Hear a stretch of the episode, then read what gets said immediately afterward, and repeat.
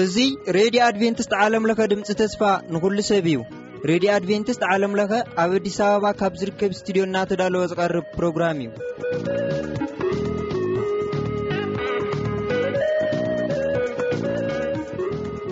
ሰላም ጥዕና ሃበና ዝኸበርኩም ሰማዕትና በብዘለኹም ዄንኩም ረድዮና ረድዮ ኣድቨንትስ ንምድማጽ ልክዕ ኣብ ሰዓትኩም ስለ ዝተረኸብኩም እግዚኣብሔር ይባርኩም እናበልና ቀጺሉ ዝቐርበልኩም መደብ መናእሰይ እዩ። ምሳና ጽንሑ ሰናይ ምክትታል።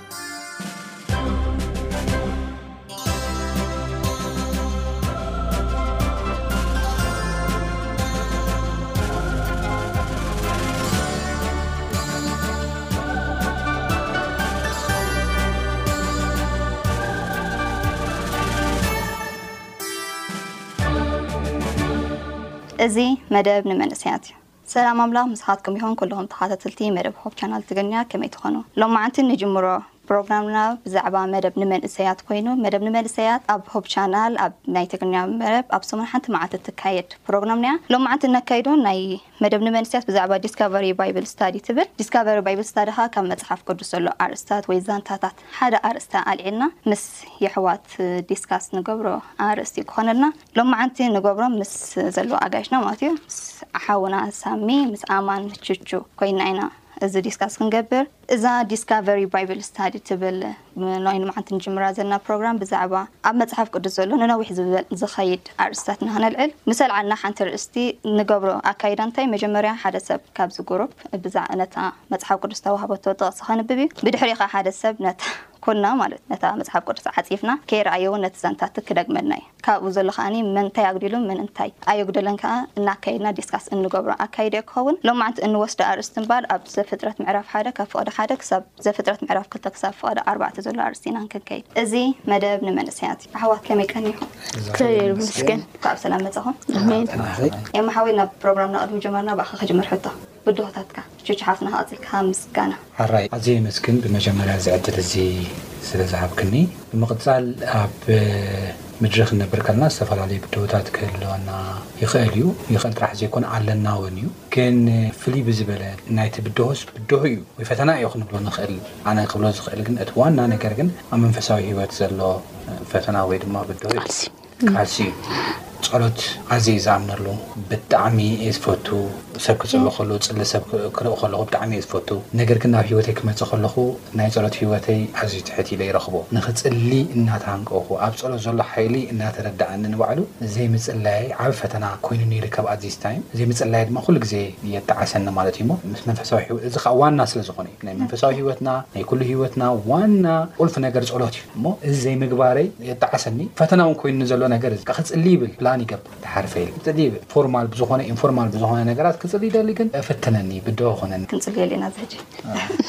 ጂጂ ሓፍትና ካብ ምስጋናታት። እሺ ምስጋና ክዝክር ከለኹ እግዚኣብሄር ያው ክምስገን ይግብኦ ንኹሉ ነገር ማለት እዩ ግን ኩሉሻዕ ብጣዕሚ እዩ ልገርመኒ ማለት ንጎሆ ይትስእ እሞ እግዚኣብሄር ትንፋስ ማለት እዚ ትንፋስና ኣይተቋረጸን ክንትስእ ከለና ገለ ገለ ሰብ እኮ ኣይተስእን ኣው ልቃሬ ሰብ ህሉና ኩሉ ሻዕ ዝደንቀኒ ግን ላካ እግዚኣብሔር መማዓልቲ ታይ እዩ ይገብር ህይወት እዩ ዝበን መማዓልትስ ክንነብር ንክእል ልክዕ ከምዚ ናይ እስራኤል መና መማዓልቲ ዳኮነ እሱ ከዓ መማዓልቲ መና ሂቦም ነይሩና ኣመን ናይ እግዚኣብሔር ብጣዕሚ በቃ ካብ ውሽጠይ ኩሉ ሻዕ መማዓልቲ ተንስኤ ንግሆ ለመስግኖ ነገር እዚ ዝሃበኒ ህይወት ማለት ዕስራን ኣርባዕተ ሰዓት ቆፂሩ ሲ ህይወት ላሃበና ለንብረና ኣሎና እዚ ኣነ ብጣዕሚ እዩ ልደንቀንና ካብቲ ዝገብሮ ነገር ኩሉ ማለት እቲ ዝሃቦ ህይወት ካብኡ ከኣ እቲ ህይወት ከኣ ናባና ኣምጺእና ክንርኢ ከለና ከኣ ካብ ዘይጠፍእ ዘርኢ ንዘልኣለም ዝኸውን ማለት እዩ ህይወት ኣለማምድና እዩ እና እዚ ደስ ይብለኒ ብጣዕሚ ባህ ይብለኒ ማለት እዩ። ኣሜን እወ ሳማ ሓወይ ከኣ ትብሎ ተሊካ እዚኤን ጌርካ ኣጠቓሊልካ ብዛዕባ እዘን ምስጋና ብድሆን ከኣ ጸሎት ክትገብረልና ኢኻ መጀመሪ ፕሮግራምና። ኣረ እግዚኣብሔር ይባርኪ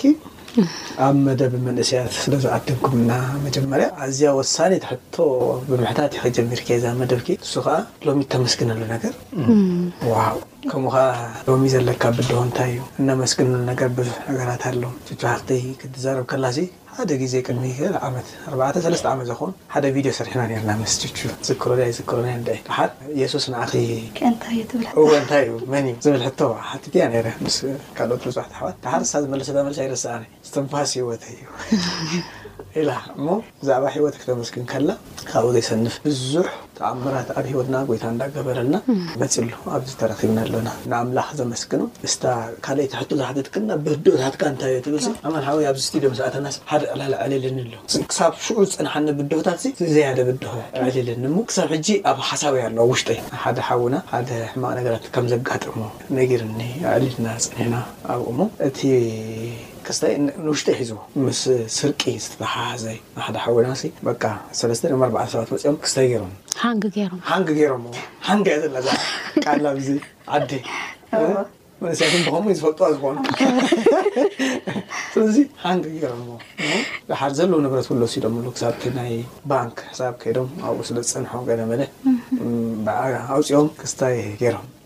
ኤኒወይ ግን ከኣ ይመኽረኒ ኔሩ ደጋጊሙ ይመኽረኒ ኔሩ ሳሚ ሓወይ ተጠንቀቕ ከምዚ ከምዚ ከምዚ እንዳበለ እብል ኔሩ ሕጂ እቲ ሪስፖንድ መቸም ናተይ ኣይሰምዖን ይኸውን እዩ ብውሽጠይ ስለ ዝነበረ እንታይ እብል ኔረ እወ ከምዚ ዓይነት ብድሆታት ኣሎ ደስ ዘይብለካ ብድሆታት ማለት ብፍላይ ንኣምላኽ ከተገልግልሲ ክቡር ኣቑሑት ሒዝካ ኣብ ትንቀሳቐሰሉ እዋን ከምዚ ከጋጥመካ ባህርያዊ እዩ ግን እንታይ እብል መወዳእትኡ እግዚኣብሄር ንስኻ እታ ዘለማመድካኒ ህይወት ሕጂ ውን ኣለማምደኒ እዩ ስለዚ ናይ ምጥንቃቕ ብድሆ ኣሎ ናይ ስክፍታ ብድሆ ኣሎ ሰብ ንፅሊ ስለ ዝብልክና ክንፅልየሉ ዝግበኣና ስለ ዝኾነ እዚ ሓውና ከዓ ክንፅልዮ ይኸውን ስለዚ ናተይ ብድሆ ኮይኑ ኣሎ ኣብዚ ዝብል እምበኣር ዘመስግነሉ ሎሚ ብዙሕ ነገራት ኣሎ ብድሆታተይ ከዓ እዚ እዩ ቅድሚ ናብ ፕሮግራምና ምትኾና ናይ ሓባር ጸሎት ግበሩ። እሺ እንጸሊ። ሰማይን ምድርን ባሕርን ኣበታቶም ዘሎ ኩሉ ዝፈጠርካ ኩሉ ትኽእል ህያዋይ እግዚኣብሔር ኣቦ ብወድኻ ብኢየሱስ ክርስቶስ ስም ነመስግነካ ኣሎና።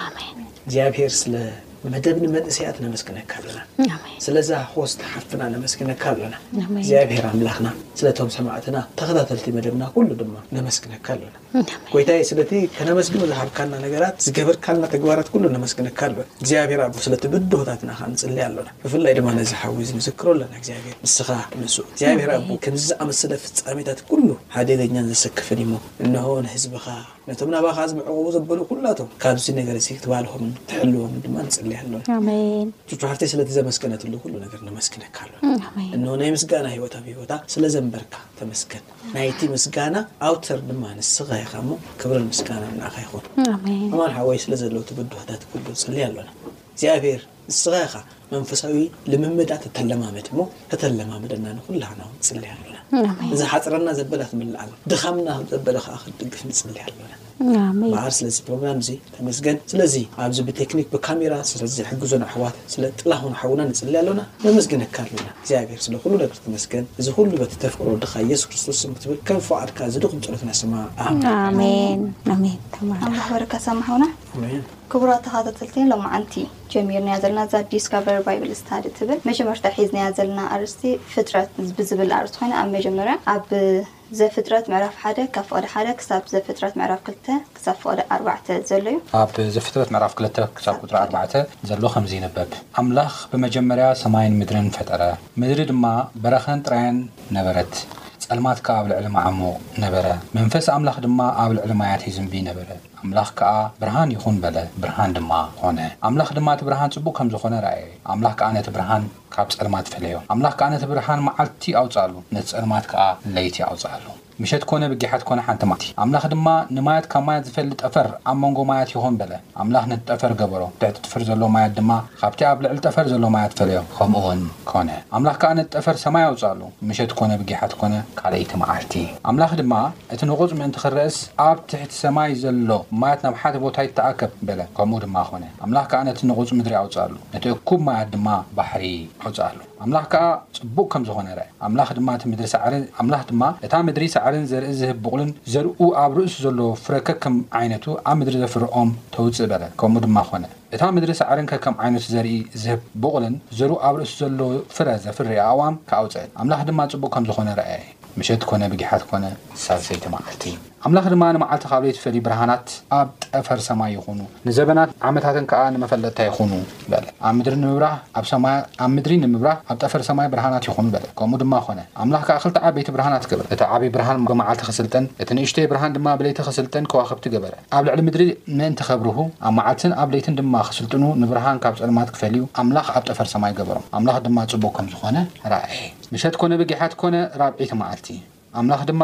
ማያት ህያው ነፍሲ ይቡን ጅርጅር ዚብል እንስሳ የውጽእ፣ ኣብ ልዕሊ ምድሪ ኣብ ትሕቲ ጠፈር ሰማይ ከኣ ኣዕዋፍ ይንፈር ኣበለ። ኣምላኽ ድማ ነቲ ዓበይቲ እንስሳን ባሕርን ነቲ ማያት ዘውጽእ በብዓይነቱ ህያው ነፍስን ዘለዎ ይቡን ጅርጅር ዚብል ኩለን ክንፊ ዘለወን በብዓይነቱ ኩለን ኣዕዋፍ ፈጠረ። ኣምላኽ ከኣ ጽቡቕ ከም ዝኾነ ረኣየ። ኣምላኽ ድማ ፍረዩን ተባዝሑን ንማያት ባሕሪ ምልእዎ፣ ኣዕዋፍ ከኣ ኣብ ምድሪ ይብዝሓ ኢሉ ባረኾም። ምሸት ኮነ ብጊሓት ኮነ ሓምሻይ መዓልቲ።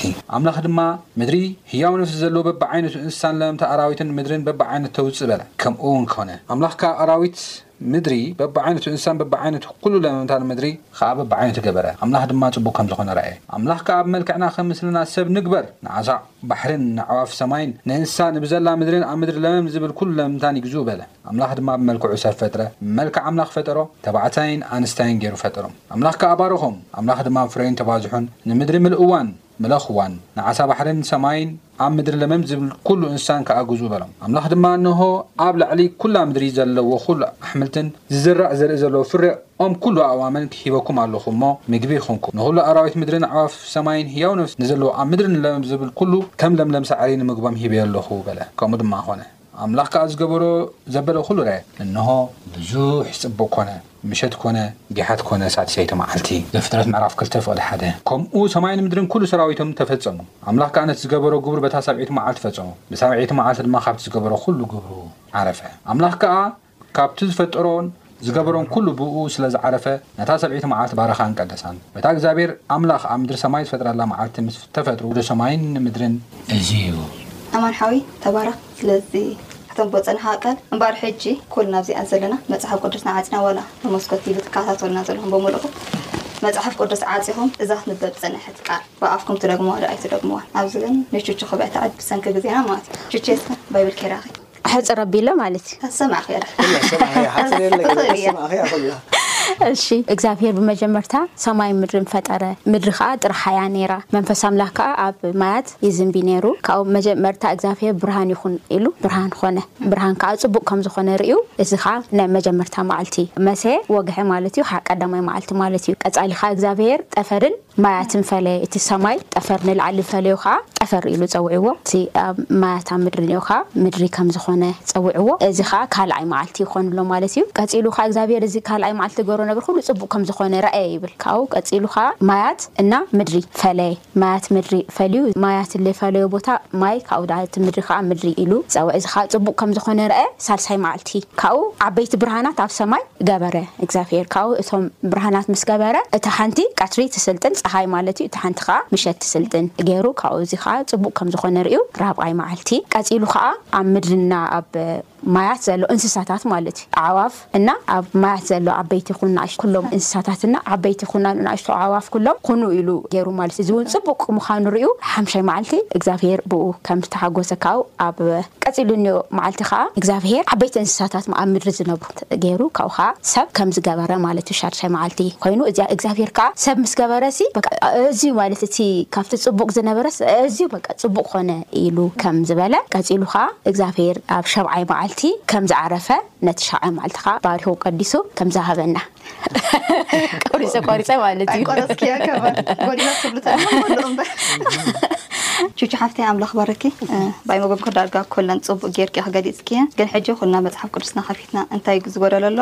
እንታይ ከመልያ ዝብል ክንርኢና መጽሓፍ ቅዱስና ንቐጽል ሳብ ምብእኻ ክጅምር ዝጎደለ ወይ ዝወስኸቶ ነገር እወ ዝጎደለ ኢለ ዝሓስቦ መቸም ግድን እዩ ዛንታ ኣይኮነትን እዚኣ ከም ሃውሲ ዛንታ ክውን ከሎ እቲ ዛንታ ትዝክሮ ኢኻ ድሕሪ እዋን እንድሕር እዚኣ ግን ፍጥረት መን እንታይ ድሓር ዘደናግራ ሓደ ሓደ እዋናት ኣሎ ኣብዚ ተፈጢራ ራብዓይ እዳ ተፈጢራ ትብለለን ነገራት ኣሎ ምስ ከምኡ ተዘይ ኮይኑ ጽቡቅ ጌራቶ ኣላ ግን ካብቲ ዘይበለተን ዝብሎ ኣብ ፍቅዲ ትሽዓተ ዘላ ኣምላኽ ድማ እቲ ንቁጽ ምእንቲ ክረኣስ እቲ ኣብ ትሕቲ ሰማይ ዘሎ ማያት ናብ ሓንቲ ቦታ ይታኣከብ በለ ከምኡ ድማ ኮነ ኣምላኽ ከኣ ነቲ ንቁጽ ምድሪ ኣውጽኣሉ ኢላ ሽዑ ተዛሪባቶ ኣላ እዚ ኣብ ፍቅዲ ትሽዓተ ግን ገላ ኣይተዛረበታን። እሺ ኤም ሓወይ ኣሎ ትቅጽሎ። ኦኬ ኣነ ውን ኣሎ ኣጉዲላቶ ኢለ ዝሓስብ ነገር ኣብ ዘፍጥረት ምዕራፍ ክልተ ዘሎ ሓሳብ ኣምላኽ ከኣ ነታ ዝገበሮ ግብሩ ብሳብዒት መዓልቲ ፈጸሙ ብሳብዒት መዓልቲ ድማ ካብቲ ዝገብሮ ኩሉ ግብሩ ዓረፈ ኣምላኽ ከኣ ንዝፈጠሮ ዝገብሮን ኩሉ ግብሩ ብኣስረ ዝዓረፈ ነታ ሳብዒት መዓልቲ ባራኻን ቀደሳን ዝብል ስለዚ ሳብዒት መዓልቲሲ ናይ ፍጥረት ኣካላ ትኸውን ዘላ ማለት እዩ። ልክዕ ከምቲ ብርሃናት ዝተፈጥሩ፣ ልክዕ ከምቶም እንስሳታት፣ ልክዕ ከም ሰብ ሻብዒት መዓልቱውን ብዕረፍቲ ፈጢርዋ እዩ። ማለት ዕስራን ሽሸ ሻሸ መዓልቲ እዩ ተብሂሉ። ሻብዓይት መዓልቲ ግን ኣዓሪፉሲ ፈጢርዋ። ሰሙንሲ ሸውዓተ መዓልቲ ክኸውን ገይርዎ ማለት እዩ። ስለዚስ እዚኣ ረሲዓታ ኣላ ኢለ። እወ፣ ንሰንበት እኳ ጠቒሳቶ ኣላ ግን ከምታ ንሱ ዝበላ ገይራ ኣይጠቐሰትላን። ቅድሚ ናብኡ ምውራደይ ግን ኣነ ኸኣ ንኣብነት ፍቕዲ ዓሰርተ ሓደ ኣምላኽ ድማ እታ ኣብ ምድሪ ሳዕሪ ዘርኢ ዝህብ በቑልን ዘርኡ ኸኣ ኣብ ርእሱ ዘለዎ ፍረ ከከም ዓይነቱ ኣብ ምድሪ ዝፈሪ ኦም ተውጽእ በለ። ከምኡ ድማ ኾነ። ትብል ሕጂ ካብኡ እንታይ ገበረታ እዚኣ ገለ ካብቲ ዘይተዛረበታ እያ ማለት እዩ። ካልእ እንድሕር ክቕጽል ደሊኹምኒ ኸኣኒ እወ እዚኣ ከም ታሪኽ ስለ ዘይኮነት ከምቲ ኣንተ ዝበልናዮ ተሸግር እያ ከም ተላታ ከተቕርባ እታ ክስታይ ከኣ በታ ዝሰማዕናያ ናይ ምቕራብ እያ። ክሓተኺ ከምዐ እወ እቲኣ ከነንብባ ከለና ኣማን ከንብባ ከሎ ዝሰማዕናያ ብኣስ ንዓ ምድጋም ስለዝኾነ ማለት እዩ ኣብ ፍቕዲ ዕስራ ኣምላኽ ድማ ማያት ህያው ነፍሲ ዘለዎ ውንጅር ዝብል እንስሳ የውፅእ ኣብ ልዕሊ ምድሪ ኣብ ትሕቲ ጠፈር ሰማይ ከዓ ኣዕዋፍ ይንፈራ በለ ትብል ኣብቲ ኣብ ቅድሚ ከዓ ጠፈር ኢሉ ክዛረብ ከሎ ሓዊሳታ ኣላ ኣብታ ዘረባ ካብቲ ክኣቱ ዘይግብኦ ማለት ክኣቱ ዘይግብኦ ጠፈር ናብ ሰማይ እወ ኣብ ሳዕብያ ትርከብ ኣብ ፍቕዲ ሓሙሽተ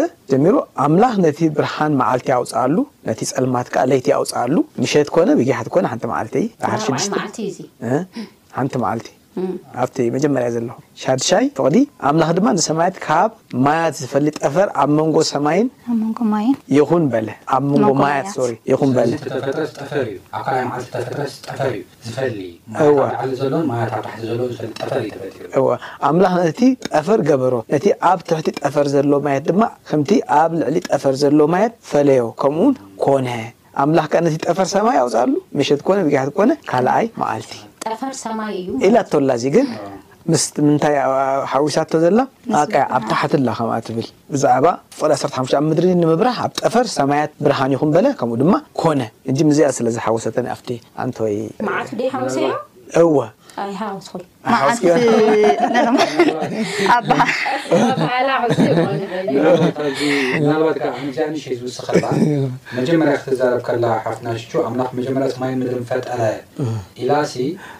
እንታይ ገይራታ ብርሃን ኮነ ገሌላስ ምድሪ ጥርሓ ነበረት።